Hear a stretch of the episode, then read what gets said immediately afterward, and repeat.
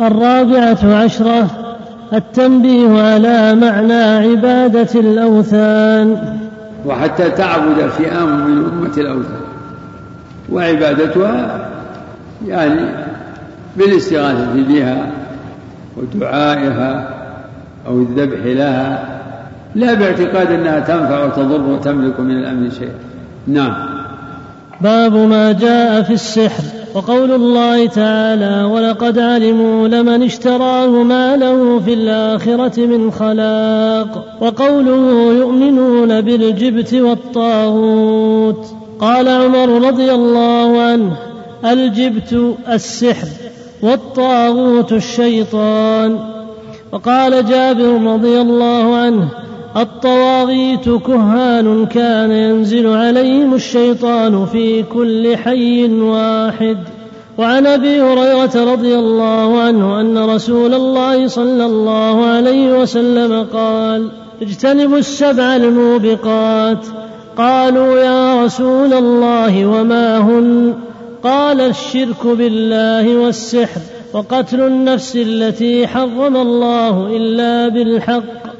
وأكل الربا وأكل مال اليتيم والتولي يوم الزحف وقذف المحصنات الغافلات المؤمنات وعن جندب مرفوعا وعن جندب مرفوعا حد الساحر ضربة بالسيف رواه الترمذي وقال الصحيح أنه موقوف وفي صحيح البخاري عن بجالة بن عبدة قال كتب عمر بن الخطاب رضي الله عنه أن اقتلوا كل ساحر وساحرة. قال فقتلنا ثلاث سواحر.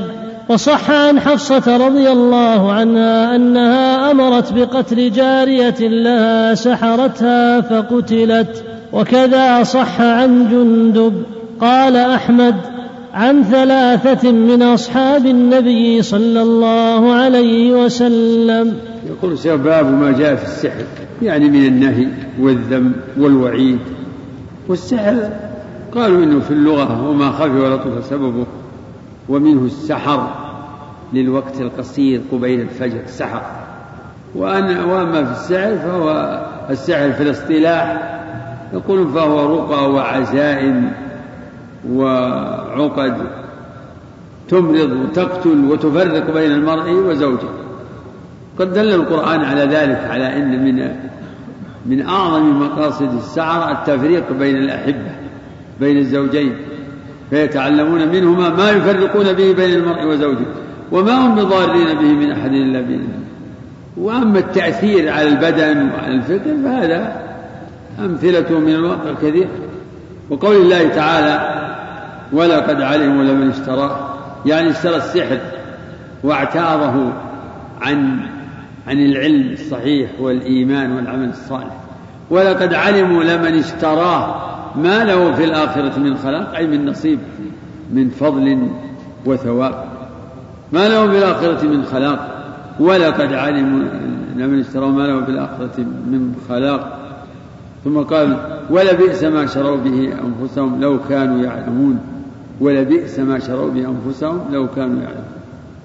وقول يؤمنون بالجبت والطاغوت تقدمت هذه الآية والجبت قيل السحر الجبت السحر والطاغوت هو الشيطان. بعضهم يقول الجبت أعم من ذلك كل شيء لا خير فيه من سحر وغيره فهو جبت. يؤمنون بالجبت والطاغوت. الجبت السحر هذا هو الشاهد. الشاهد من ذكر هذه الآية أن الجبت فسر بماذا؟ فسر بالسحر. قال عمر الجبت السحر والطاغوت الشيطان. قال جابر الطواغيت كهان كانت تنزل عليهم الشياطين في كل حي واحد. كل حي وقبيلة عندهم طاغوت كاهن يخبرهم بما يخبرهم به في كل حي واحد. شياطين من شياطين البشر. فأثر عمر ظاهر المناسب. وظاهر وأثر جابر جاء استطرادا. في حديث أبي هريرة رضي الله عنه اجتنبوا السبع الموبقات. اجتنبوها واحذروها فإنها موبقات أي مهلكات. اجتنبوها واحذروها. قيل يا رسول الله قيل يا رسول الله وما هن؟ قال الإشراك بالله. هذا أعظم الذنوب. فهو موبق ومهلك لصاحبه في إدخال مدخل لصاحبه النار وموجب للخلود فيها. الإشراك بالله والسحر هذا هو الشاهد. والسحر متضمن للشرك. لكن الناس ناسب التنصيص عليه وقتل النفس التي حرم الله إلا بالحق. وأكل الربا وأكل مال اليتيم والتولي والزحف. قلب المحسنات الغافلات وكل هذه السبع جاء في القرآن. كل هذه السبع جاء ذكر الوعيد عليها في القرآن. فالشرك إنه من يشرك بالله فقد حرم الله عليه الجنة. والسحر ولقد علموا لمن اشتراه ما له في الآخرة من خلاق. ولبئس ما شروا به أنفسهم. لو كانوا يعلمون ولا يفلح الساحر حيث أتى وقتل النفس. ومن يقتل مؤمنا متعمدا فجزاؤه جهنم خالدا فيها. وقتل المعاهد. من قتل معاهدا لم يرح رائحة الجنة. وأكل الربا. فيها آية الربا الذين يأكلون الربا لا يقومون. إلا كما يقوم الذي يتخبطه الشيطان من المس الآية. وأكل مال اليتيم. الذين يأكلون أموال اليتامى ظلما. إلى آخره فكل واحدة فيها وعيد من القرآن يدل على أنها من كبائر الذنوب. وعن جندب بن عبد الله مرفوعة إلى الرسول عليه الصلاة والسلام حد الساعة هي ضربة بالسيف وقيل إنه موقوف يعني أنه من قول جندب. وجاء أن جندب بن عبد الله أنه جاء بساحر عند أحد الخلفاء وصار يعمل أعماله السحرية حتى أنه يظهر بأنه قتل ثم ثم يحيى قالوا فجاء جندب بن عبد الله وقال دلني عليه أروني كيف. فلما ظهر برأسه يعني ظهر برأسه ضربه بالسيف وقال حد الساحر ضربة بالسيف. وعن عمر رضي الله عنه أنه كتب أن يقتلوا كل ساحر وساحر. وكذلك حفصة قتلت جارية لها سحرتها وكذلك جند بن عبد الله. قال أحمد صح قتل الساحر عن ثلاثة من أصحاب رسول الله صلى الله عليه وسلم. فالمقصود أن هذه النصوص دلت على تحريم السحر وأنه متضمن للشرك وأن الواجب قتل الساحر. متى ظفر به وجب قتله لهذه الآثار ولقول جندب بن عبد الله. فيه مسائل. الأولى تفسير آية البقرة. تفسير آية البقرة وهي قوله سبحانه وتعالى ولقد علموا لمن اشتراه ما له في الآخرة من خلاق. يعني من نصيب من نصيب من الثواب. وهذا مما يدل على كفر الساحر. وقبلها قبلها فيتعلمون منهما قبلها. وما أنزل على الملكين ببابل هاروت وماروت وما يعلمان من أحد حتى يقول إنما نحن فتنة فلا تكفر. فيتعلمون منهما ما يفرقون به بين المرء وزوجه وما هم بضارين به من أحد إلا بإذن الله. ويتعلمون ما يضرهم ولا ينفعهم ولقد علموا لمن اشتراه ما له في الآخرة من خلاق. ولبئس ما شروا بأنفسهم لو كانوا يعلمون. نعم. الثانية تفسير آية النساء. تفسير آية النساء وهي قوله تعالى ألم تر إلى الذين أوتوا نصيبا من الكتاب يؤمنون بالجبت والطاغوت.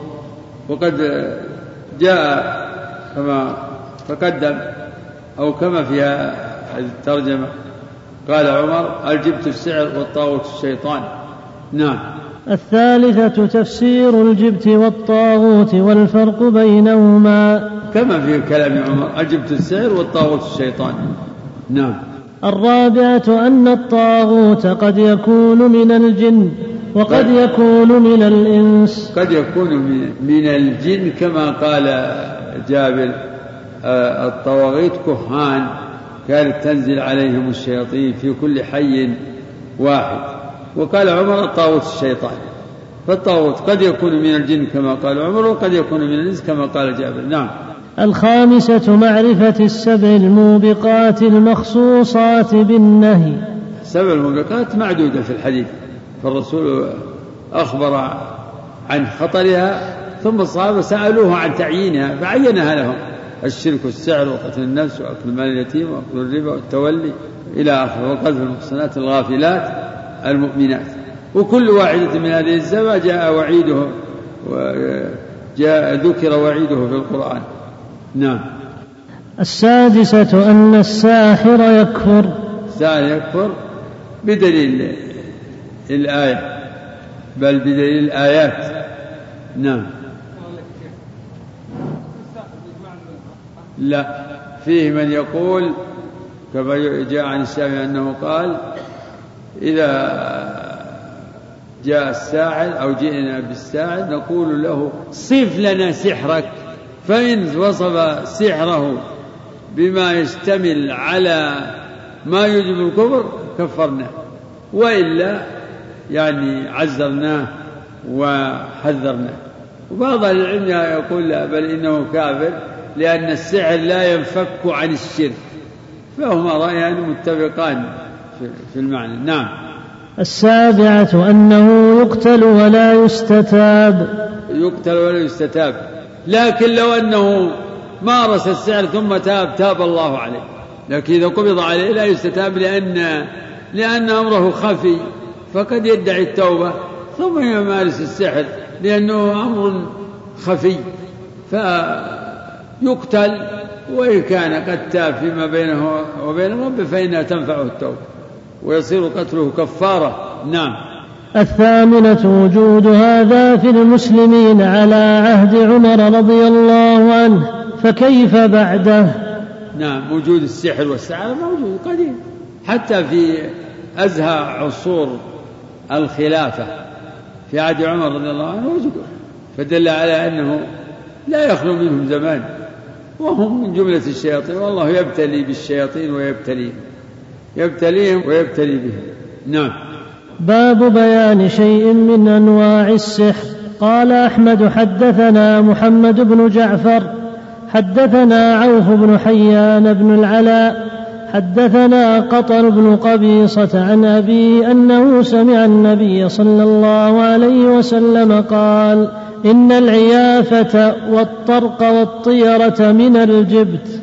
قال عوف العيافة زجر الطير والطرق الخط يخط بالأرض. والجبت قال الحسن رنة الشيطان. إسناده جيد.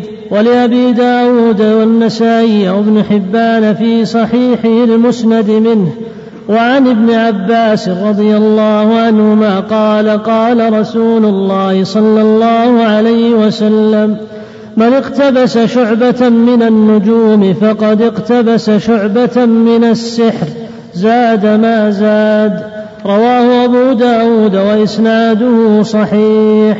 وللنسائي من حديث أبي هريرة رضي الله عنه من عقد عقدة ثم نفث فيها فقد سحر ومن سحر فقد أشرك ومن تعلق شيئا وكل إليه. وعن ابن مسعود رضي الله عنه أن رسول الله صلى الله عليه وسلم قال ألا هل أنبئكم ما العض هي النميمة القالة بين الناس؟ رواه مسلم. ولهما عن ابن عمر رضي الله عنهما أن رسول الله صلى الله عليه وسلم قال إن من البيان لسحرا فيه مسائل يقول الشيخ باب ما جاء في أنواع من السحر أو باب أنواع من السحر.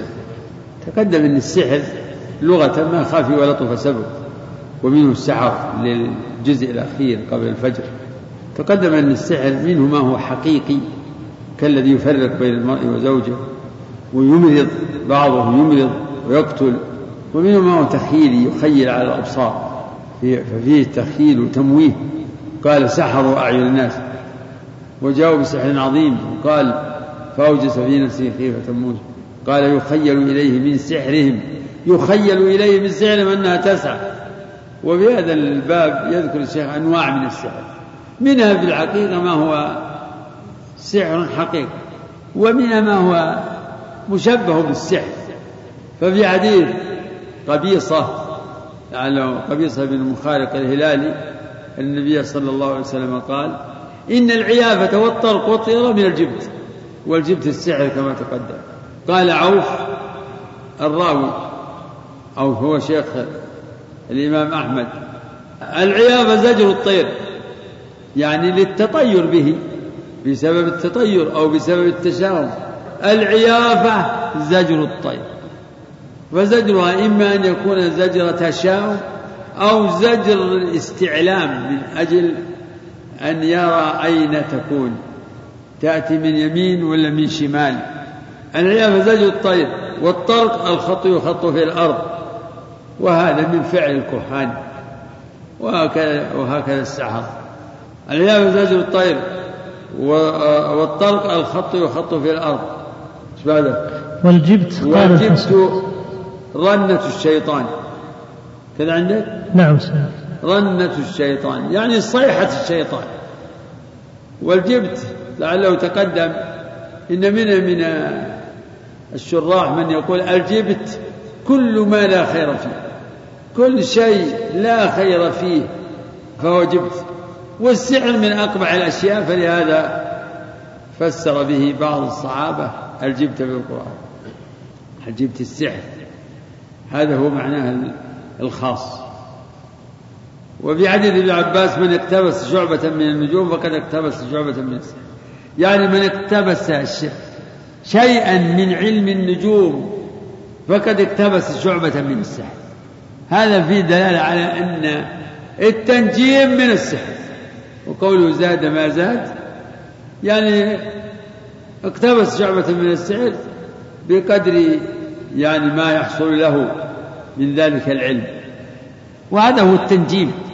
فالتنجيم وهو الاستدلال بالأحوال الفلكية على الحوادث الأرضية. هذا ضرب من السحر وهو تنجيم.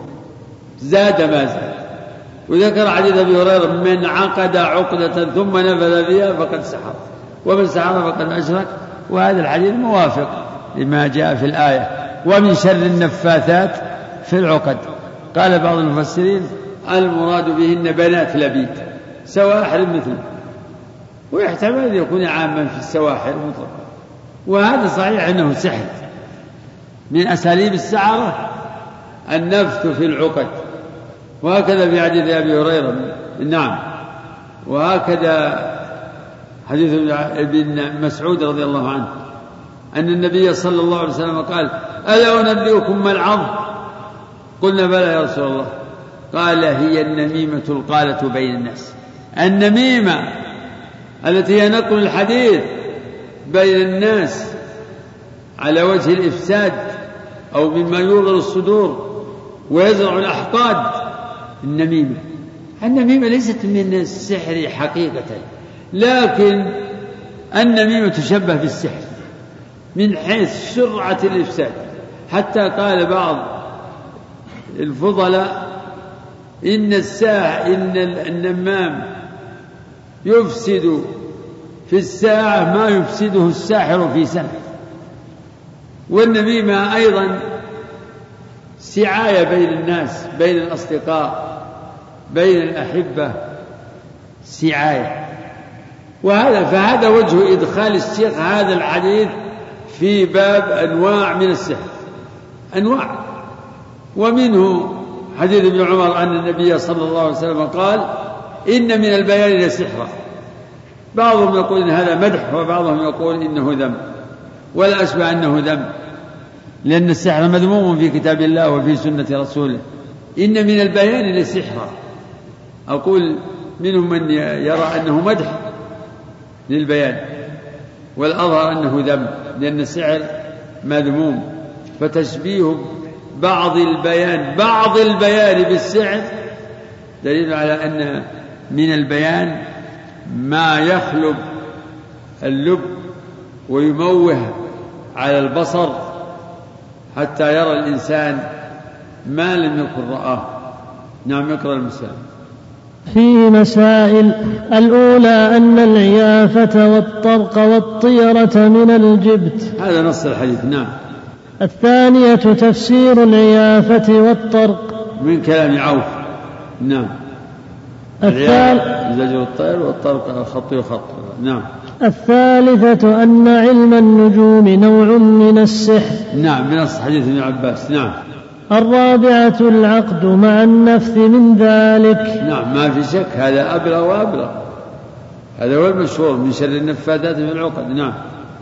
الخامسة أن النميمة من ذلك. يعني النميمة من ذلك من حيث الشبه يعني مشبهة بالسحر وإلا فليست سحرا. نعم. السادسة أن من ذلك بعض الفصاحة. بعض الفصاحة من السحر وهذا يشعر بأن الشيخ يختار أنه إن هذا الحديث ذم لبعض البيان لأنه شبهه بالسحر لأن الفصاحة والبلاغة يمكن أن تؤثر على السامع مما مما يكون سببا في ضلاله. فمن من البيان ومن الفصاحة ما يموه الحقائق يشوه الحق ويزخرف الباطل. كما قال سبحانه وتعالى وكذلك جعلنا لكل نبي عدوا شياطين الإنس والجن. يوحي بعضهم إلى بعض. زخرف القول غرور زخرف فالتعبير تارة يحسن وتارة يقبح. فالإنسان البليغ الذي أوتي بيان إذا لم يكن عنده وازع من عقل ودين فإنه يلبس الحق بالباطل ويزيف الحقائق ويشوه الحق ويروج ويزخرف الباطل. فلذلك كان فلذلك كان ضربا من السحر بنص الحديث والله أعلم. الحمد لله رب العالمين والصلاة والسلام على أشرف الأنبياء والمرسلين نبينا محمد وعلى آله وصحبه أجمعين. قال الإمام محمد بن عبد الوهاب رحمه الله تعالى رحمة واسعة في باب ما جاء في الكهان ونحوهم. روى مسلم في صحيحه عن بعض أزواج النبي صلى الله عليه وسلم. عن النبي صلى الله عليه وسلم قال من أتى عرافا فسأله عن شيء فصدقه بما يقول لم تقبل له صلاة أربعين يوما ليس فيه فصدقه. سمع شيخ. ما فيه فصدقه لم تقبل له صلاة أربعين يوما. وعن أبي هريرة رضي الله عنه عن النبي صلى الله عليه وسلم قال من أتى كاهنا فصدقه بما يقول فقد كفر بما أنزل على محمد صلى الله عليه وسلم. رواه أبو داود. وللأربعة والحاكم وقال صحيح على شرطهما عن من أتى عرافا أو كائنا فصدقه بما يقول فقد كفر بما أنزل على محمد صلى الله عليه وسلم. ولأبي, ولأبي يعلى بسند جيد عن ابن مسعود مثله موقوفا. وعن عمران بن حصين رضي الله عنه مرفوعا ليس منا من تطير أو تطير له أو تكهن أو تكهن له أو سحر أو سحر له. ومن أتى كاهنا فصدقه بما يقول فقد كفر بما أنزل على محمد فقد كفر بما أنزل على محمد صلى الله عليه وسلم. رواه البزار بإسناد جيد. باب ما جاء في الكهان ونحوهم يعني من المنجمين والعرافين والرمالين. يعني ذكر ما ورد من الذم والوعيد لهؤلاء المخذولين المبخوسين. باب ما جاء في الكهان ونحوهم من السعرة والمنجمين ذكر عدة أحاديث كلها أن من أتى كاهن أو من أتى كاهن أو عراف فسأله عن شيء فصدقه بما يقول فقد كفر بما أنزل على محمد. صلى الله عليه وسلم. وهل ذلك كفر أكبر؟ يعني مخرج من الملة؟ أو إنه ليس بمخرج من الملة؟ فحديث أبي هريرة حديث ابن مسعود حديث عمران بن حصين كلها متطابقة على هذا المعنى. والكائن والعراف سيأتي ذكر معناهم. وعلى كل حال كلاهما يخبر عن أمور غائبة عن الناس. وأما حديث صفية التي عبر عنها ببعض أزواج النبي صلى الله عليه وسلم ففيه من أتى كاهنا فسأله عن شيء فقد لم تقبل له صلاة أربعين يوما وليس فيه فصدقه ليست في مسلم ولكن ذكر أنه أنها وردت في مسند إنها وردت في مسند الإمام أحمد فصدقه وشرح الشارحون على الرواية المشهورة ليس فيها ليس في الحديث فصدقه. وإذا جاءت الرواية الأخرى فصدقه فقد تطابقت الأحاديث على أن مناط الذنب هو سؤاله وتصديقه. وأما إذا قيل إنه يعني بناء على رواية مسلم وليس فيه فصدقه فيقال إن هذا الوعيد مختص إن هذا الوعيد مختص بمن لم يصدق. وأما من صدق فهم متوعدون بالكفر. من أتى كاهنا فسأله عن شيء فصدقه بما يقول فقد كفر بما أنزل على محمد. وذلك أن هؤلاء الأصنام من الكهان والعرافين والمنجمين والرمالين يدعون علم الغيب فيكفرون بذلك. واختلف العلماء في معنى فقد كفر فمنهم من حمله على على الشرك على الكفر الأكبر المخرج عن الملة. وقيل بل إنه كفر دون كفر. وقيل بالتوقف وعدم التفصيل في ذلك. من أتى كائنا فسأله عن شيء وصدقه بما يقول فقد كفر بما أنزل على محمد. فنطلق الحديث كما أطلقه الرسول عليه الصلاة والسلام. والأظهر عندي أنه كفر دون كفر. إلا من قال إن الساحر يعلم الغيب الغيب الذي يختص الله به باب ما جاء في الكهان ونحوه. وهو مطابق ومناسب لكتاب التوحيد. فإن إتيان الكهان أولا يتضمن التعلق بهم والاعتماد على أخبارهم وأقوالهم وثانيا إنهم هم أنفسهم نفس الكهان والعرافون هم أحق بهذا الحكم وهو الكفر بما أنزل على النبي عليه الصلاة والسلام. في الحديث الأخير حديث أظن يعلم بن أمية فيه ليس منا من تطير أو تطير له وسيأتي هذا في الباب الذي بعدها. ليس منا من تطير أو تطير له أو تكهن أو تكهن له أو سحر أو سحر له. ومن أتى كاهنا سأله عن شيء فصدقه فقد كفر بما أنزل على محمد صلى الله عليه وسلم. ليس منا فيه البراءة من من من يمارس هذه الأعمال بنفسه أو بنائبه. من تطير أو تطير له أو تكهن أو تكهن له. من الناس من لا يحسن الكهنة لكن يكون له مملوك أو أو له يعني صديق فيتكهن له. يمارس الكهانة من أجل أن ينفع ذاك أو تطير أو تطير له. الناس من لا يحسن الطيرة لكن يكل إلى شخص يتطير له لينظر ماذا يحصل. وهذا فعل أهل الجاهلية. ومنافاة هذا لتوحيد الصفات ظاهر فإن ما يدعيه الكاهن والعراف والمنجم يتضمن دعوى علم الغيب وهذه تنافي وصفه سبحانه وتعالى بعلم الغيب. سبحان الله العظيم. نعم مش بعده قال نعم. ورواه الطبراني في الأوسط بإسناد حسن من حديث ابن عباس رضي الله عنه دون قوله ومن أتى إلى آخره. يعني ليس فيه صدر الحديث ليس منا من تطير أو تطير له وتكان أو تكون له وسعر أو سحر له وليس فيه ومن أتى كائنا إلى آخره نعم قال البغوي. قال البغوي رحمه الله العراف الذي يدعي معرفة الأمور بمقدمات يستدل بها على المسروق ومكان الضالة ونحو ذلك وقيل هو الكاهن. والكاهن هو الذي يخبر عن المغيبات في المستقبل وقيل الذي يخبر عما في الضمير.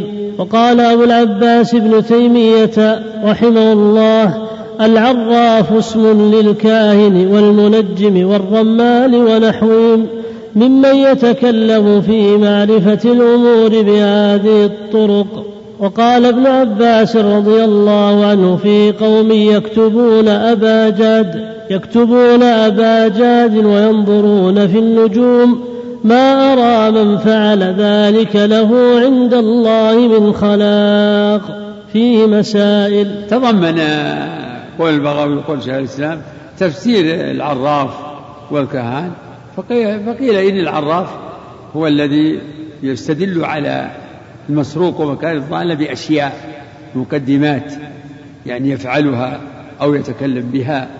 وقيل إن العراف هو الكاهن يعني ما معناهما واحد. وقيل الكاهن هو الذي يخبر عن مغيبات المستقبل وقيل الذي يخبر عما في الضمير.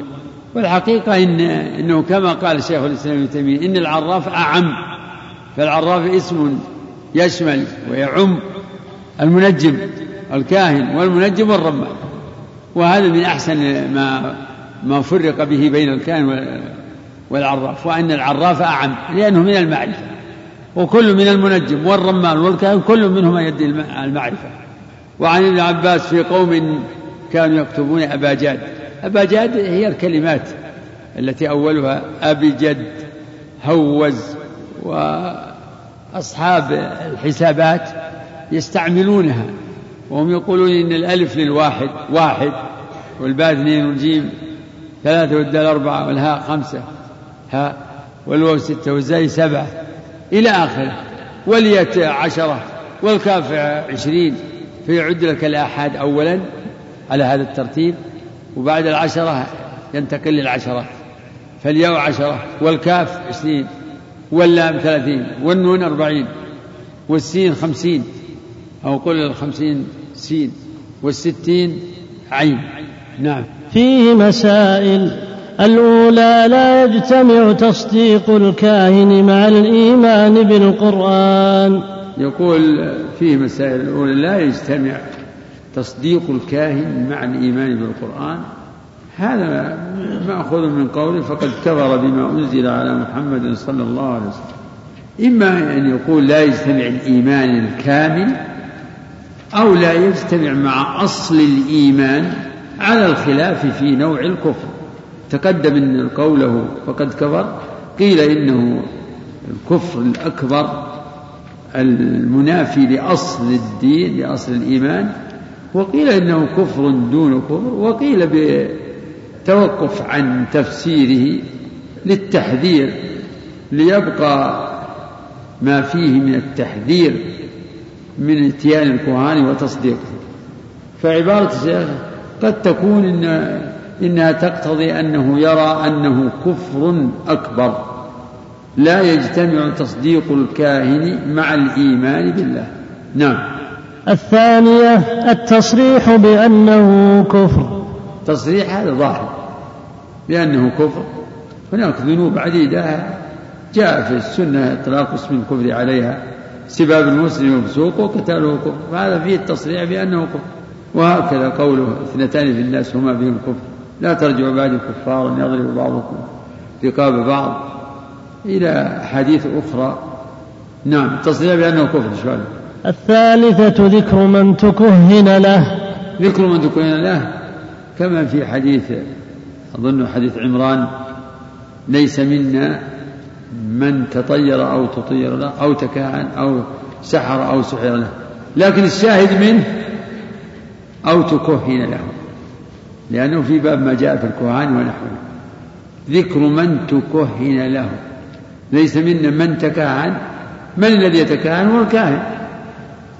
والذي يتكهن له هو السائل. السائل الذي يأتي الكاهن ويسأله هو المتكهن له. أو تطير أو تطير له نفس الشيء. المتطير هو الذي ينظر ويحكم. والمتطير له هو الذي يجي يسأل يقول شوف شوف لي وش تفاعل لي يعني أو شوف لي وش تتوقع. أنظر في في في الهواء في السماء في كذا في هذا الطائر المقبل. تطير. نعم أو تطير. إيش بعده؟ مسألة. الرابعة ذكر من تطير له. نفس الشيء نعم. الخامسة ذكر من سحر له. نعم. السادسة ذكر من تعلم أبا ولا, ولا ذكر من تطير أو تكهن أو سحر. كأن الشيخ يعني هذا هم هم هم الأصل. الساحر والكائن والمتطير. لكن الحديث أفاد الذم من يتطير له. ليس منا من تطير أو تطير له. وأن من يتطير له حكم حكم المتطير والمتكاهن له حكم حكم الكاهن إلى آخره. نعم. السادسة ذكر من تعلم أبا جاد. تقدم أن أبا جاد يعني يراد به يعني هذه الرموز التي يستعملها المنجمون حروف الحروف يكتبون أباجات فسرت بحروف الجمل أبجد هوز كذا. هذه إذا إذا استعملت على أنها يعني للحساب محض فقط. يعني الألف رمز الواحد والياء رمز عشرة والكاف رمز العشرين والقاف رمز المئة إلى آخره هذا اصطلاح. لكن المنجمون يستعملون هذه الحروف ويبنون عليها نتائج.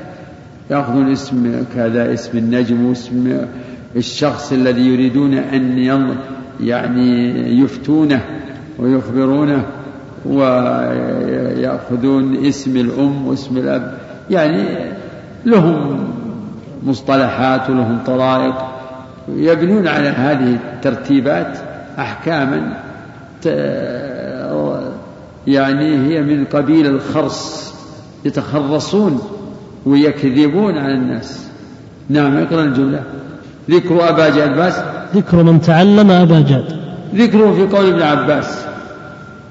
أنه قال في قوم يكتبون أبا جاد وينظرون في النجوم. أولئك لا خلاق لهم. فالشيخ أشار إلى قول ابن عباس. ذكر من تعلم أبا جاد تعلم طريقة المنجمين. بكتابة هذه الرموز والنظر في النجوم. نعم. السابعة ذكر الفرق بين الكاهن والعراف. هذا مستفاد من كلام ابن تيمية رحمه الله. العراف اسم للكاهن والمنجم. العراف اسم للكاهن والمنجم والرمان لأن العراف صيغة مبالغة من المعرفة. تشمل المنجم الذي يتوصل إلى معلوماته بالنظر في النجوم واقترانها وافتراقها والرمال الذي يتوصل إلى معلوماته بالضرب بالحصى والخط في الرمل. والكاهن الذي يتلقى علومه من رأيه من الجن. اسم للكاهن والمنجم والرمان. أحسنت. أحسن الله إليك. الحمد لله رب العالمين. والصلاة والسلام على أشرف الأنبياء والمرسلين نبينا محمد وعلى آله وصحبه أجمعين. قال المؤلف رحمه الله تعالى باب ما جاء في النشرة. عن جابر رضي الله عنه أن رسول الله صلى الله عليه وسلم سئل عن النشرة. فقال هي من عمل الشيطان. رواه أحمد بسند جيد وأبو داود. وقال سئل أحمد عنها فقال ابن مسعود يكره هذا كله.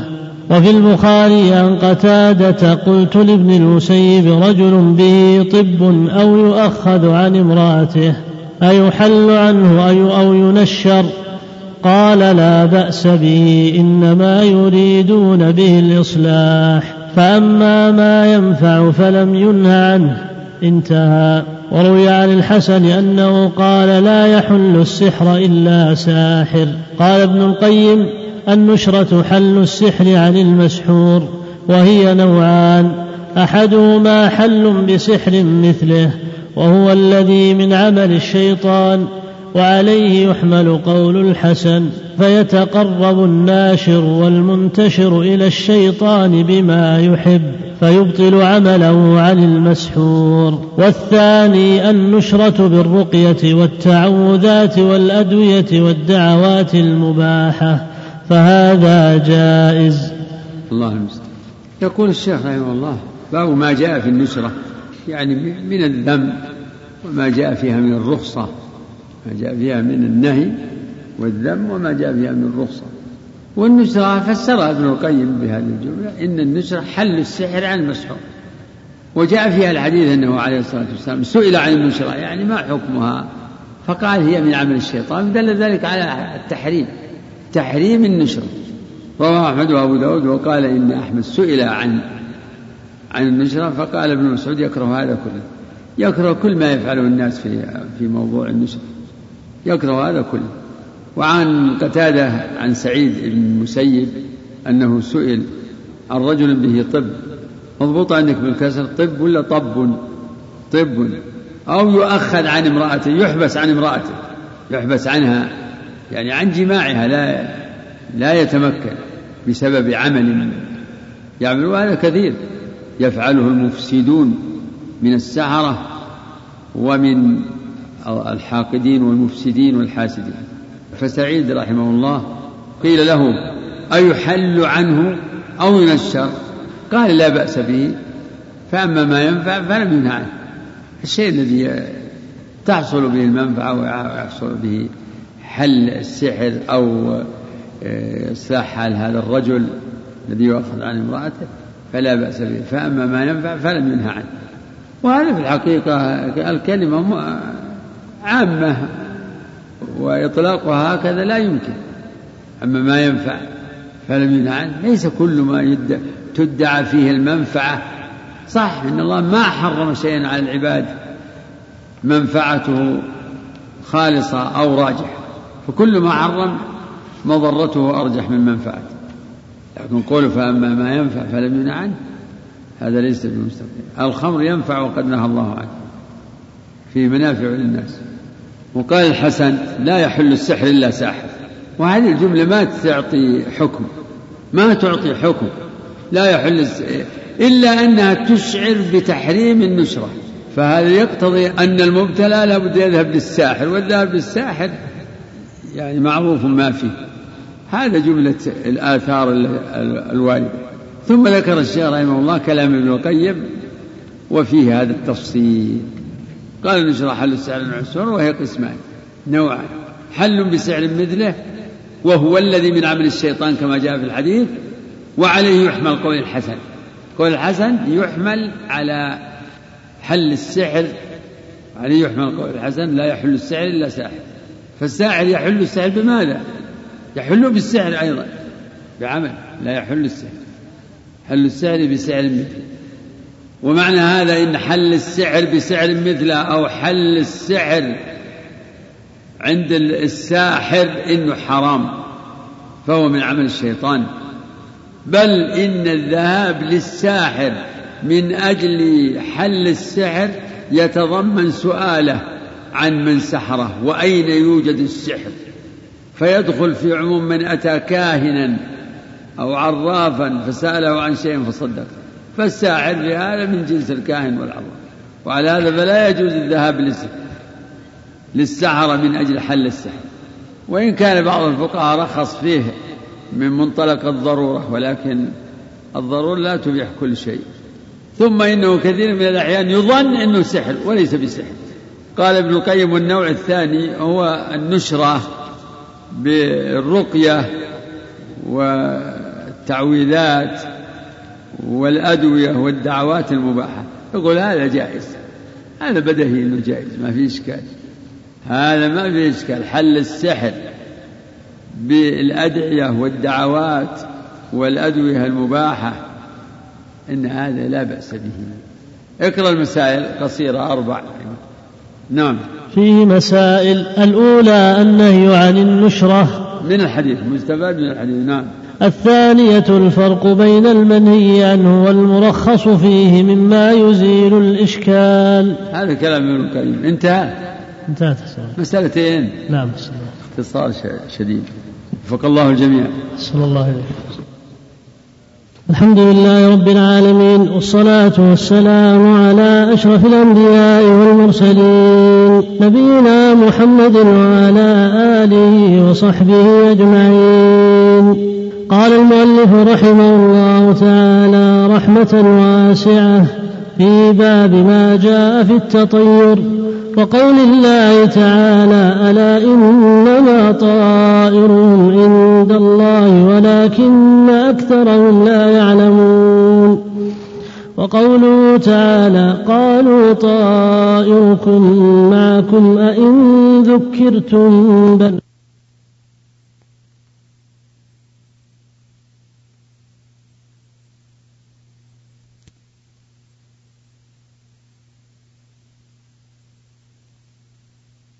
ولا طيرة لا عدوى ولا طيرة ولا هامة ولا صفر. أخرجاه زاد مسلم ولا نوء ولا غول.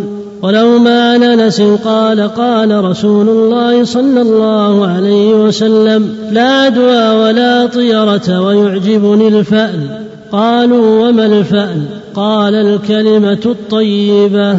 ولأبي داود بسند صحيح عن عقبة بن عامر قال على هذا الله يقول المؤلف رحمه الله باب ما جاء في التطير يعني من, من النهي وأنه شرك وما جاء من بيان حقيقة الطيرة.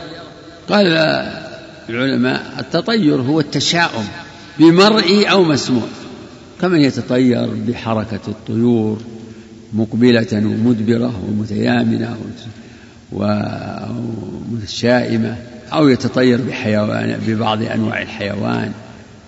هناك طيور يتطير بها الناس كالغراب والبومة يستوحشون منها ويرون أنه إذا يعني إذا وقع الغراب أو البومة على بيت فهذا منذر ببين أهله منه يعني بموت. ولهم في هذا أشعار وعندهم بعض القبائل تكون خبيرة بهذا الأمر. يقول خبير بني لهب فلا تكن ملغيا. مقالة الهبي إذا الطير مرتي عندهم خبرة هي كلها خرص في خرص. آه، الطيور وذهبوا يمين أو شمال لا أثر له وليس بشيء. وذكر آيتين آية سورة الأعراف وآية ياسين. وهما يدلان على أن التطير بالصالحين هو من سنن أعداء الرسل. فقوم فرعون تطيروا بموسى ومن معه. فإذا جاءتهم الحسنة قالوا لنا هذا. وإن تصيبهم سيئة يطيروا بموسى ومن معه. يتطيرون به ويتشاءمون به. يقول هذا ما جاءنا إلا بيوم لما جئتونا. هذا ما جاءنا إلا بسبب. يطيروا بموسى ومن معه. قال الله ألا إنما طائرهم عند الله. يعني طائرهم ونصيبهم من هو من عند الله بتقديره وتدبيره عقوبة لهم. لا إنما طيروا بموسى ومن معه. ألا إنما طائرهم عند الله ولكن أكثرهم لا يعلمون. وفي الآية الأخرى قالت الرسل قالوا طائركم معكم بل أنتم قوم مسرفون طائركم معكم يعني طائركم ونحسكم والشر الذي يصيبكم هو معكم بسبب أعمالكم. وبهذا يتبين لا تعارض بين الآيتين. فما يصيب الكفار من العقوبات وما ينزل بهم من نكبات بسبب كفرهم هو بسبب كفرهم وهو بتقدير الله. قالوا طائركم معكم أين ذكرتم بل أنتم قوم مسلمون. ثم ذكر الشيخ حديث أبي هريرة بروايتين حديث أنس وفيه هذه الأحاديث نفي هذه الأمور الأربعة والستة. لا عدوى ولا طيرة ولا هامة ولا صفا ولا نوم ولا غور ستة أمور. وهذا النفي معناه نفي ما يعتقده أهل الجاهلية في العدوى من أن المرض يعدي بطبعه وأن العدوى حتمية. فلهذا يحاذرون مخالطة المريض. لا عدوى ولا طيرة. وهذا النفي يتضمن النهي عن هذه الاعتقادات. فقوله ولا طيرة الطيرة اسم مصدر بمعنى التطير. فهذا فالتطير بالطيور لا أصل له ولا أثر ولا وحركة الطيور ليست سببا في خير ولا شر. يجي الطائر يمين ولا شمال ولا أمام أو يأتي طائر يعني أسود ولا ملون أو أبيض لا فرق. ولا طيرة ولا هامة. الهامة طير يتوهمه أهل الجاهلية. يزعمون أنه أن الذي يقتل يخرج له طائر ينعب وكأنه يذكر به ويخرج ويطالب بأخذ الثأر له. وصبر. فسر بشهر صفر الذي كان أهل الجاهلية يتشاءمون به لأنه إذا إذا جاء دخل عليهم صفر استباحوا الغارة. غارت بعضهم على بعض لأن لأنهم يمتنعون عن القتال في في تلك الأشهر شهر ذو القعدة وذو الحجة والمحرم لأنها أشهر الحرم. فإذا جاء صفر انطلقت. يعني انطلقت الجماعات للنهب والغارة والقتل والثارات فيما بينهم. فكانوا يتشائمون بهذا الشهر وقيل إنه داء يصيب يكون في البطن وأنه شديد العداوة. والنوع سيأتي باب ما جاء في الاستسقاء بالأنواع والمراد بها نجوم معروفة عند الحسابين 28 نجم في السنة الواحدة.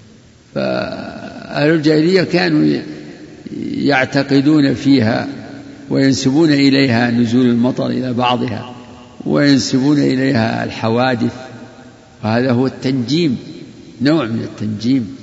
ففي هذا الحديث نفي ما يعتقد أهل الجاهلية في النجوم. فالنجوم الله بين حكمتها كما سيأتي في باب ما جاء. زينة للسماء ورجوما للشياطين وعلامات وتدابير وهي كغيرها هي من آيات الله الدالة على قدرته. ونحن مأمورون بالتفكر فيها. تفكرون في خلق السماوات والأرض. ربنا ما خلقت هذا باطلا. والغول أشباح وأشكال تتمثل للناس في البراري وتتلون وربما تصوت وهي نوع من الجن. وقد تكون أحيانا قد تكون محض خيال يعني الإنسان إذا كان عنده زيادة خوف وذعر يمكن يتراءى له تتراءى له أشباح لا حقيقة ولا وجود له. وأحيانا تكون من يعني من من أنواع الجن أو بعض الجن يظهرون ويتمثلون للناس لإضلالهم. ولا نوء ولا غول.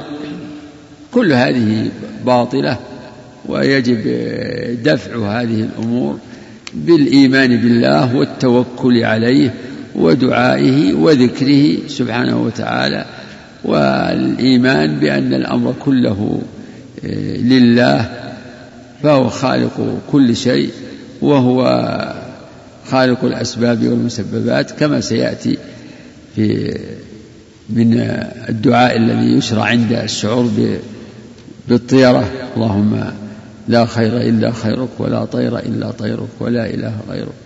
اللهم لا يأتي بالحسنات إلا أنت ولا يذهب بالسيئات إلا أنت. آه إلى آخره. وكذلك قال في حديث أنس لا عدوى ولا طيرة.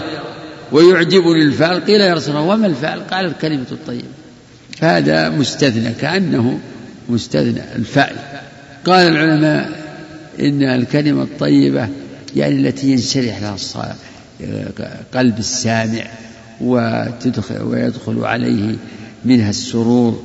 مثلوا لهذا بما إذا سمع المريض سالم سليم سلمان ينشرح صدره لهذه الكلمات.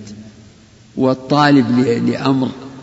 إذا سمع أحد يقول يا يا نجيح يا نجاح يتفاءل بنجاح مطلوبه. كلمة طيبة يعني. فهذا لا بأس به. إذا الإنسان استبشر ببعض الكلمات إذا سمعها وتفاءل فهذا لا, لا مانع منه وليس هو من التطير في شيء. لأنه لا يعتقد إن إن هذا المصوت أنه ينفع أو يضر أو له أثر في الخير والشر. إنما هي كلمة تفتح النفس كما يقولون. نعم هذا والله أعلم. صلى الله نكتفي ظاهر جاء أثر أن ابن عباس كان معه بعض أصحابه فرأوا طيرا صوت فقال خير يا طير فقال لا خير ولا شر. فمرور الطير هذا إذا كان لكن يمكن بعض الناس لا جاء واحد قال ها خير يا طير وش عندك يعني؟ هذه ما لها يعني ما يعني كأنك أنت أنت طاير وش جبت وش جبت لنا يعني؟ وهو صحيح. الإنسان إذا جاء جبت من العلوم ولا جبت من الهدايا يمكن الأمر واسع. أما إذا كان يعني طيرا في السماء يلتفت إليه ويقول خير يا طير هذا هو عين التطير. نعم.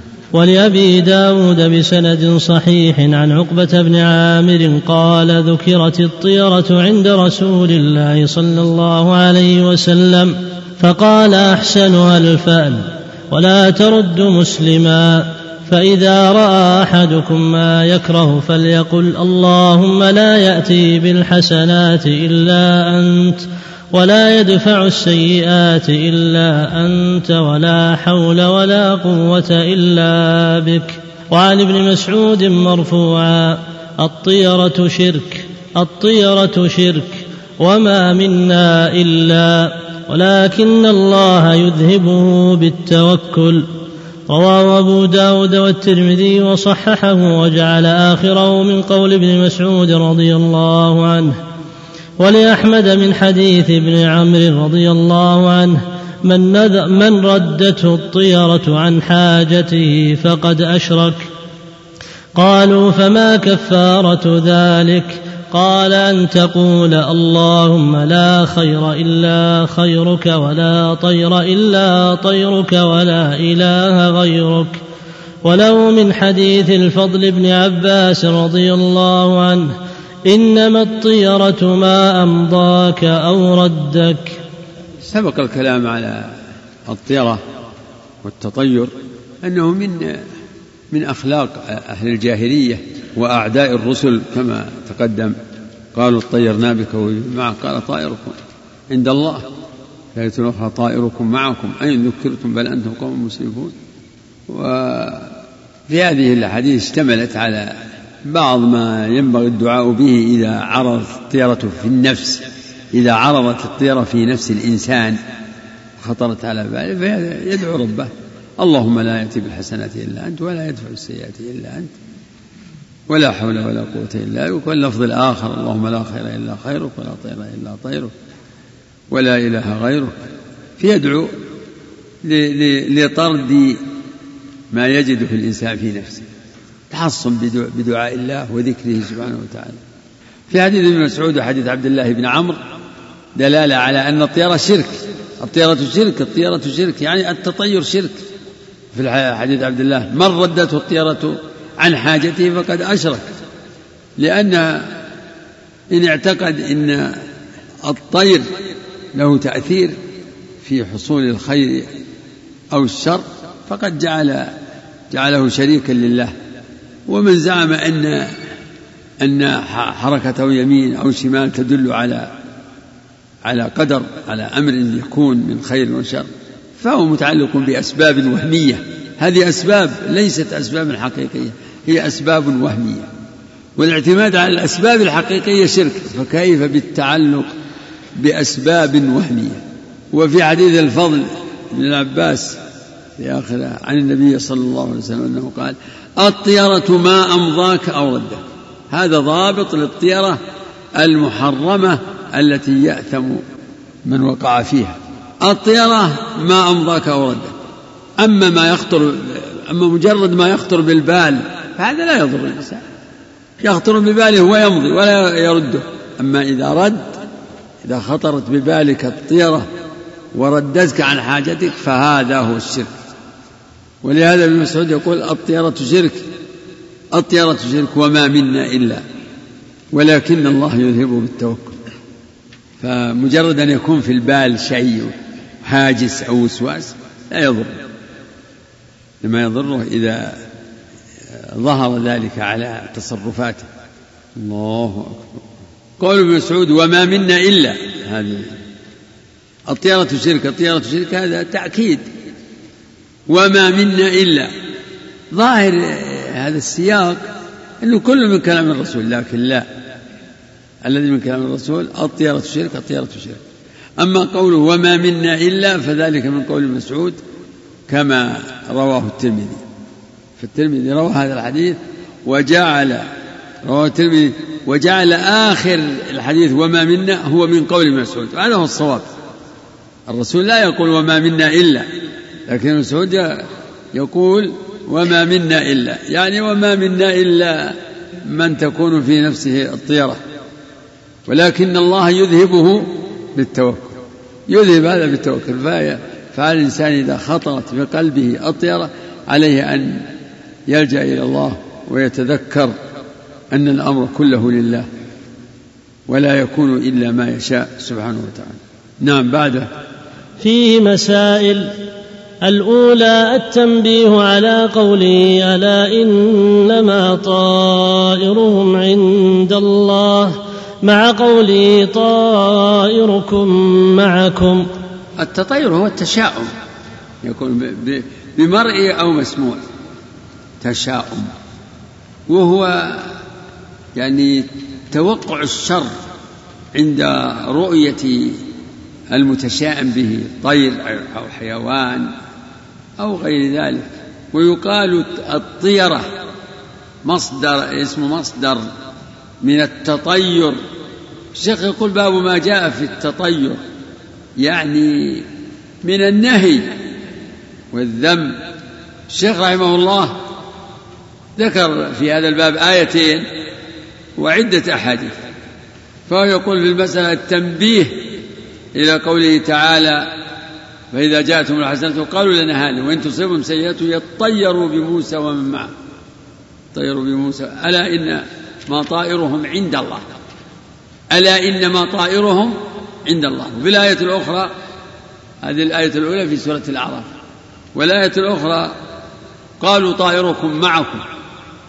في سورة يونس طائركم معكم الشيخ يشير إلى الجمع بين ألا إنما طائرهم عند الله وقوله وقول الرسل للمكذبين طائركم معكم طائركم يعني حظكم ونصيبكم من النحس والشؤم هذا عند الله لأن ذلك بقدره ومشيئته وتدبيره الحكيم. وقوله طائركم معكم يعني أن ما يحصل لكم من شر هو بسبب أعمالكم. يشبه قوله تعالى تماما يشبه قوله تعالى قل لو كنتم في بيوتكم يقول سبحانه وتعالى أينما تكونوا يدرككم الموت ولو كنتم في بروج مشيدة.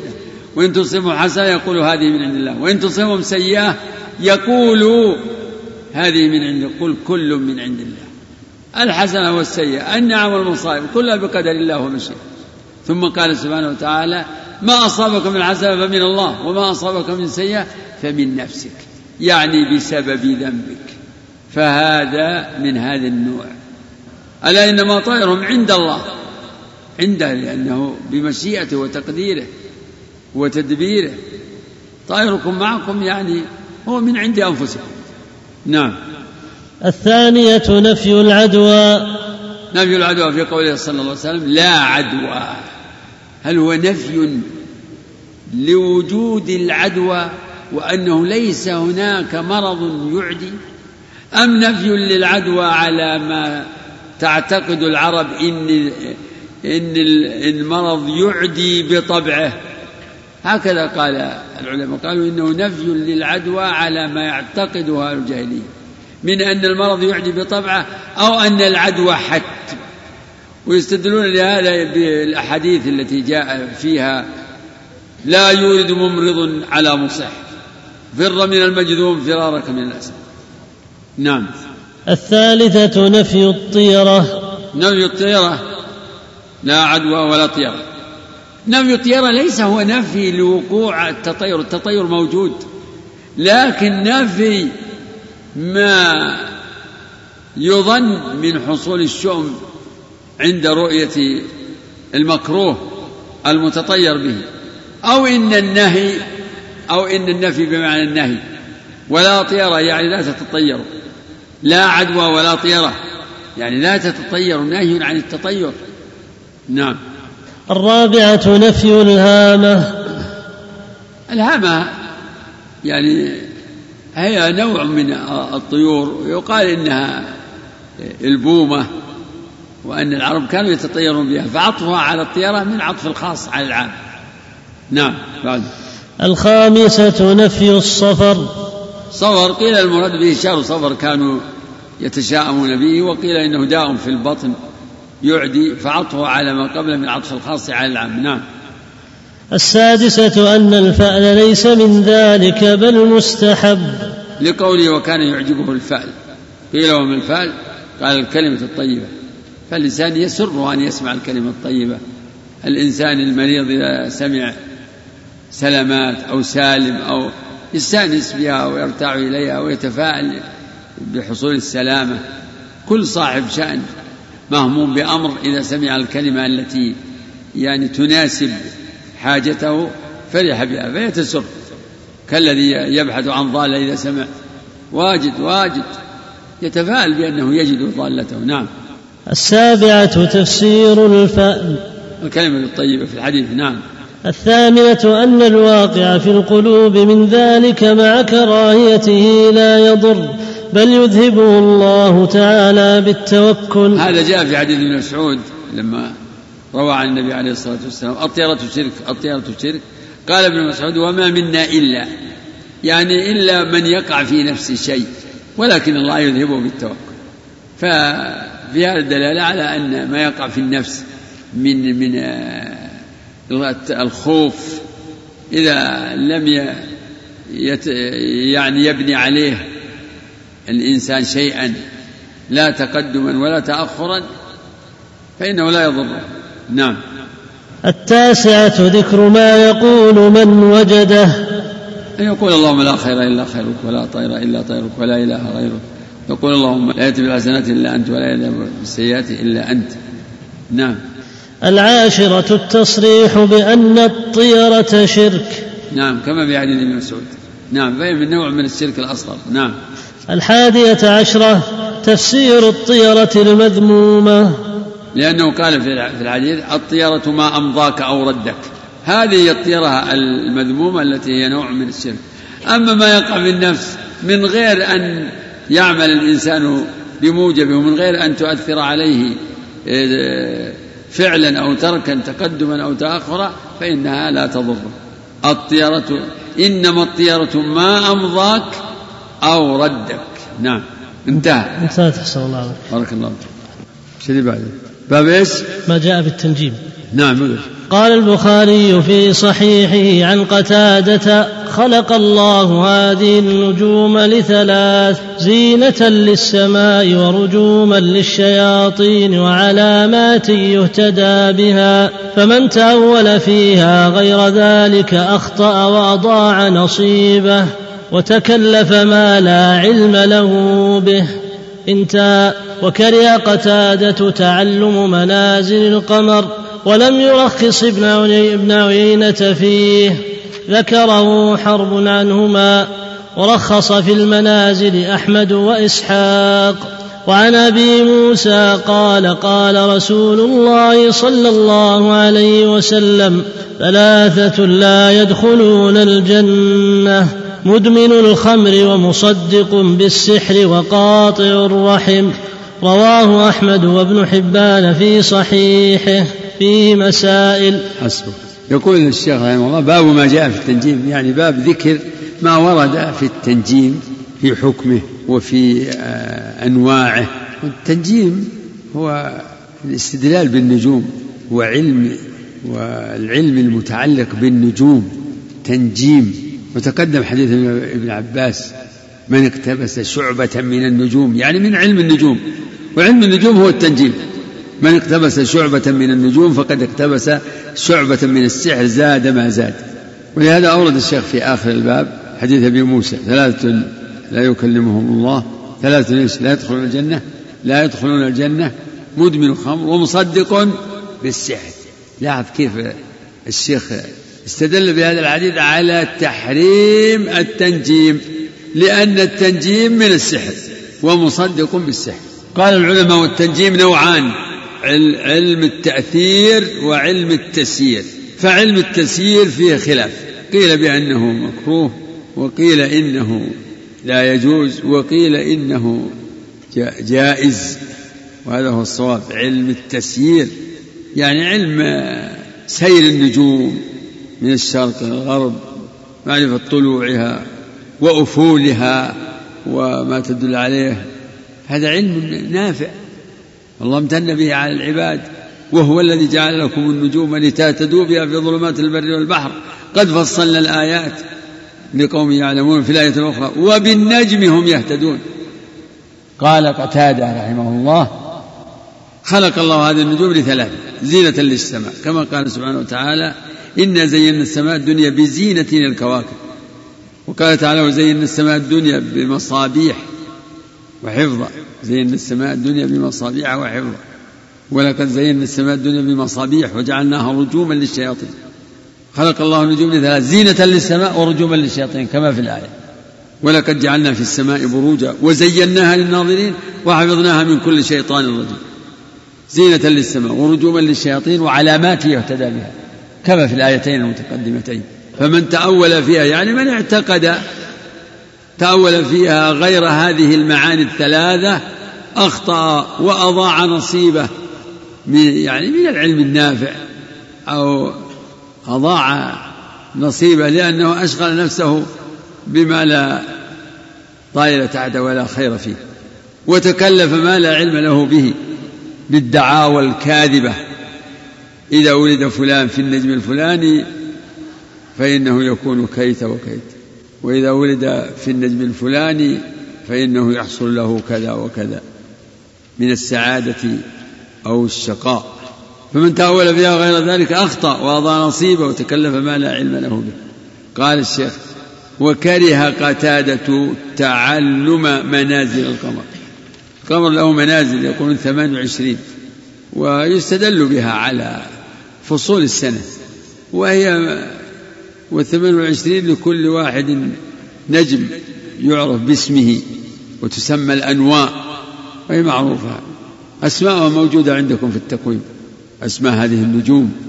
ثمان وعشرين نجم في السنة ثمان وعشرين نجم. كل واحد ثلاثة, ثلاثة عشر فثلاثة عشر في ثمانية وعشرين يتكون منها ثلاثمائة وأربعة وستين يوما. وأحدها أربعة عشر فتكون خمس وستين. وهذه السنة الشمسية. ثلاثة عشر في ثمانية وعشرين. ناتجها كم؟ ثلاثمائة وأربعة وستين. ضاف إليها يوم تصير خمس وستين. كره قتادة تعلم نعم. تعلم منازل القمر. ولم إيش؟ ها؟ ولم يرخص ابن عيينة. ولم يرخص ابن عيينة في في ذلك.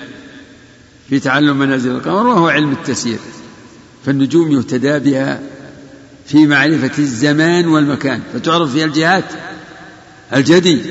هذا نجم مستقر لا يتغير ويشاهده الناس. والنجوم الأخرى يستدل بها على الزمان والمكان وعلامات. وبالنجم هم يهتدون في الظلمات وهو الذي جعل لكم النجوم لتهتدوا بها في ظلمات البر والبحر. وقد خلق الله للعباد في, في هذه الأعصار أسبابا يعني أسباب في يهتدون بها ويستدلون بها يعرفون بها القبلة يعرفون بها الجهات يعرفون بها المواقع. سبحان الله العظيم. ولكن هذه هذه الوسائل أول أنها طارئة من قريب الشيء الثاني إنها يعني على يعني الله أعلم أنها يعني تنقطع إذا بطلت هذه الحضارة وبطلت يعني مقوماتها وأيضا إنها قابلة للخطأ لأنه يمكن أن يصير فيها خلل فيحصل يعني الاضطراب. أما هذه النجوم فهي ثابتة بنظامها المحكم. الله. ورخص في ذلك أحمد وإسحاق أحمد بن حنبل وإسحاق بن راهويه. الإمامان الكبيران المحدثان. ولا شك أن قولهما أرجح من قول قتادة وسفيان. أما علم التأثير كما تقدم فلا ريب أنه حرام وأنه يعني فن منجم من جنس من جنس من جنس الكاهن. وهو داخل في اسم العراف. كما تقدم أن العراف اسم للكاهن والمنجم والرمال والمنجم هو عراف. داخل في اسم العراف لأنه يدعي المعرفة ويستدل بالنجوم على الحوادث الأرضية على أنه سيحدث كذا أو أنه قد حدث كذا. يستدل بالنجوم وباجتماعها وافتراقها وحركتها على الحوادث الأرضية. ولهذا يعرفون كما عندكم أنه الاستدلال بالأحوال الفلكية على الحوادث الأرضية. أما حديث أبي موسى فهو ظاهر فهو من أحاديث الوعيد ثلاثة لا يدخلون الجنة مدمن الخمر أعوذ بالله الإدمان معصية على معصية فرق بين من يشرب الخمر يعني فلتات وبين من هو مدمن لا يصبر عنه يشربه دائما ومصدق بالسحر. مصدق بالسحر إذا كان هذا حكم المصدق المصدق بالسحر فكيف بالساحر نفسه؟ المصدق بالسحر يصدق على من من يذهب للساحر ويسأله ويصدقه ومصدق بالسحر مدمن الخمر قاطع وقاطع الرحم ومصدق بالسحر وقاطع رحمه أو قاطع الرحم. قاطع الرحم. وقاطع الرحم هي الأخيرة لا بأس. قاطع الرحم أيضا من أهل الوعيد. فكل هذه من كبائر الذنوب. وقد تكون وقد يكون التصديق بالسحر كفرا. لحديث من أتى كائنا فصدقه بما يقول فقد كفر بما أنزل على محمد صلى الله عليه وسلم. فيه مسائل نعم. فيه مسائل. فيه مسائل. الأولى الحكمة في خلق النجوم. الحكمة في خلق النجوم لثلاث كما قال قتادة وكل وأدلتها من القرآن ظاهرة نعم. الثانية الرد على من زعم غير ذلك. نعم. من, زعم من اعتقد أن لها تأثير في الحوادث الأرضية وأن يعني ولادة هذا الإنسان وما يحصل له من سعادة أو شقاوة أو ما يحدث من من حروب إنها بسبب تأثير النجوم أو أمطار بسبب النجوم. نعم. الثالثة ذكر الخلاف في تعلم منا في تعلم المنازل. أي منازل القمر؟ نعم. الرابعة الوعيد في من صدق بشيء من السحر ولو عرف أنه باطل. نعم اتصل يعني وعيد لمن صدق بالسحر ولو كان يعتقد أنه باطل. أو يعني كان ولو اعتقد أنه حرام. أما أنه يعتقد أنه باطل ويصدق به هذا ما يكون. لا يصدقه إلا إذا اعتقد أنه صحيح. لكن قوله باطل كان كأنه يريد ولو اعتقد أنه حرام. انتهى. انتهت المسألة صحيح ها. إيه لكن دون تعيين. ما تعين إيه تعين تقول هذا فلان هذا هذا لا هذا لا يدخل الجنة. لا. ها كذا الجميع. نعم بعده الحمد لله رب العالمين والصلاة والسلام على أشرف الأنبياء والمرسلين نبينا محمد وعلى آله وصحبه أجمعين. قال المؤلف رحمه الله تعالى في باب ما جاء في الاستسقاء بالأنواء. وقول الله تعالى وتجعلون رزقكم أنكم تكذبون. وعن أبي مالك الأشعري رضي الله عنه أن رسول الله صلى الله عليه وسلم قال أربع في أمتي من أمر الجاهلية لا يتركونهن. الفخر بالأحساب والطعن في الأنساب والاستسقاء بالنجوم والنياحة. وقال النائحة إذا لم تتب قبل موتها تقام يوم القيامة وعليها سربال من قطران ودرع من جرب. رواه مسلم. ولهما عن زيد بن خالد رضي الله عنه قال صلى لنا رسول الله صلى الله عليه وسلم صلاة الصبح. صلى لنا رسول الله صلى الله عليه وسلم صلاة الصبح بالحديبية على إثر سماء كانت من الليل. فلما انصرف أقبل على الناس فقال هل تدرون ماذا قال ربكم؟ قالوا الله ورسوله أعلم. قال أصبح من عبادي مؤمن بي وكافر. فأما من قال مطرنا بفضل الله ورحمته فذلك مؤمن بي كافر بالكوكب. وأما من قال مطرنا بنوع كذا وكذا فذلك كافر بي مؤمن بالكوكب.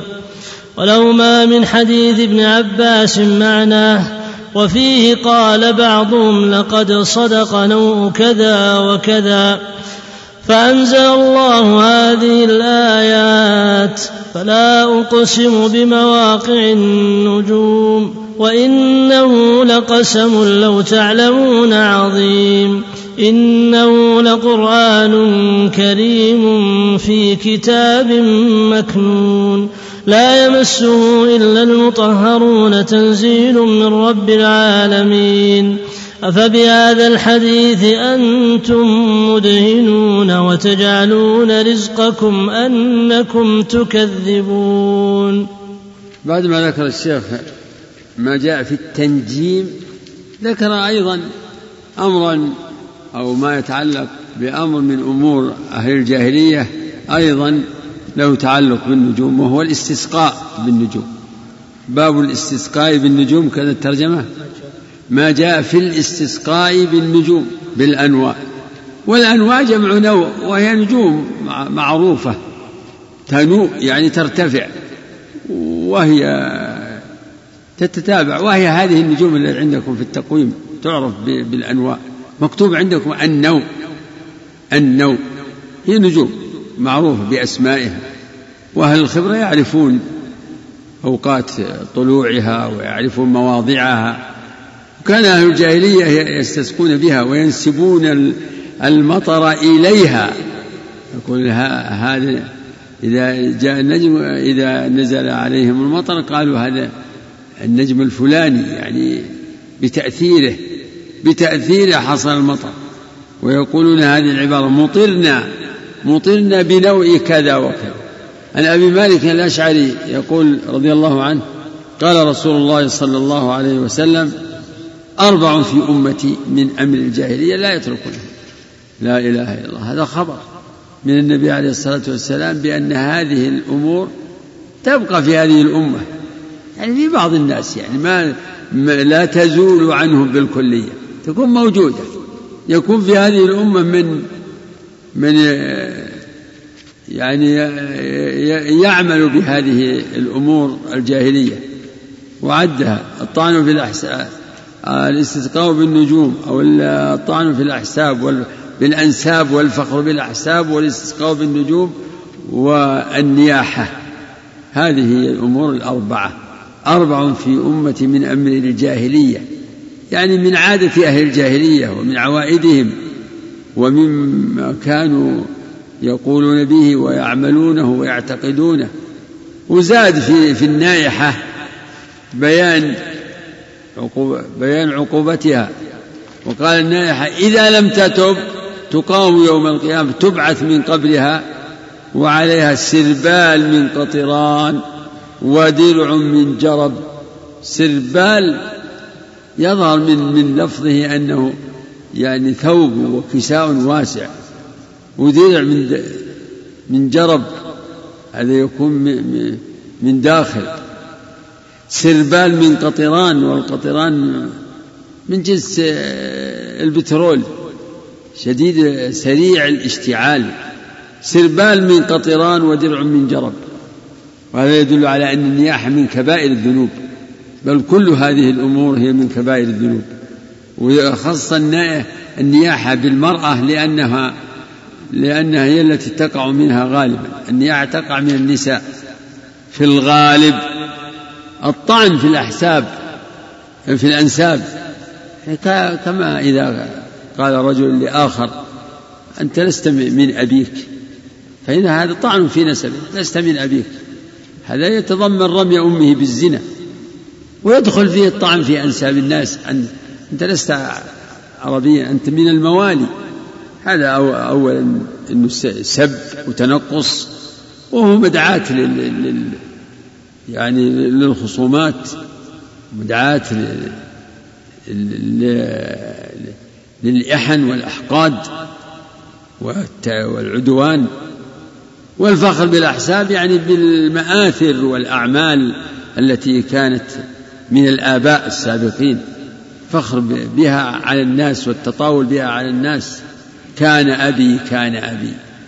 آبائي كان كانوا وكانوا.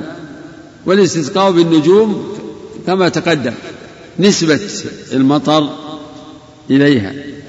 ينتظرون يعني طلوع النجم.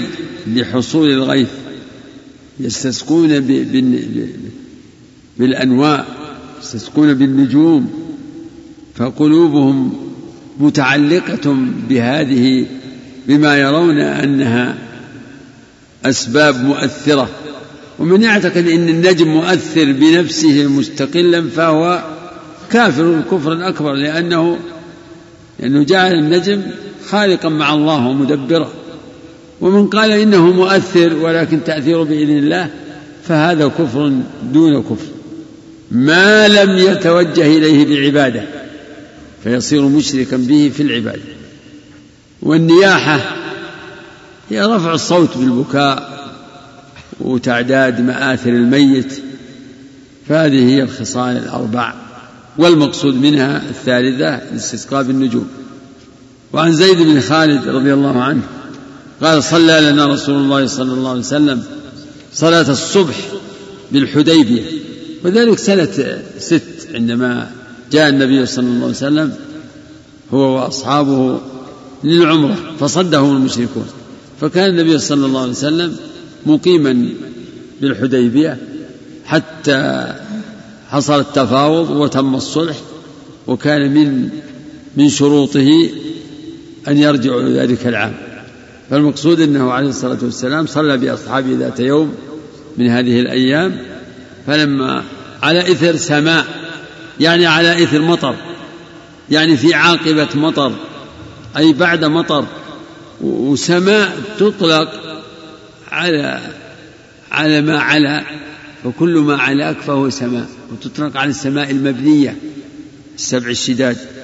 وفي هذا الحديث أطلق السماء على نفس المطر. أطلق السماء على, على إثر سماء وهذا من توسع العرب في في لغته على إثر سماء كانت من الليل. فقال صلى الله عليه وسلم لأصحابه أتدرون ماذا قال ربكم؟ قال قلنا الله ورسوله أعلم. قال قال سبحانه وتعالى أصبح من عبادي مؤمن بي وكافر. فمن قال مطرنا بفضل الله ورحمته. هو من عطائه ومن بره ومن فضله ومن رحمته. فذلك مؤمن بي كافر بالكوكب. مؤمن بأن الله هو ال... هو الذي خلق الماء وأنشأ السحاب وأرسل الرياح وساق السحاب حيث شاء وأنزل منه المطر. فهؤلاء هم الشاكرون. من قال مطرنا بفضل الله ورحمته فهو الشاكر. ومن, ومن قال مطرنا بنوء كذا وكذا هذا المطر يعني حصل بذلك النجم فذلك كافر بي لأنه أضاف نعم الله إلى غيره فذلك كافر بي مؤمن بالكوكب الكوكب هو الذي أغاثهم وهو الذي أنزل لهم المطر وهذه حال الناس في كل النعم بين شاكر وكافر. فمن استقر في نفسه أن هذا بتقدير الله وتدبيره ومن إحسانه وفضله ورحمته فذلك هو المؤمن الشاكر وتمام شكرها بأن يستعمل ويستعين بنعم الله على طاعته. أما من قال هذا بفعل كذا هذا بالسبب الفلاني هذا بحولي هذا بعلمي فهذا نسب نعم الله إلى الأسباب.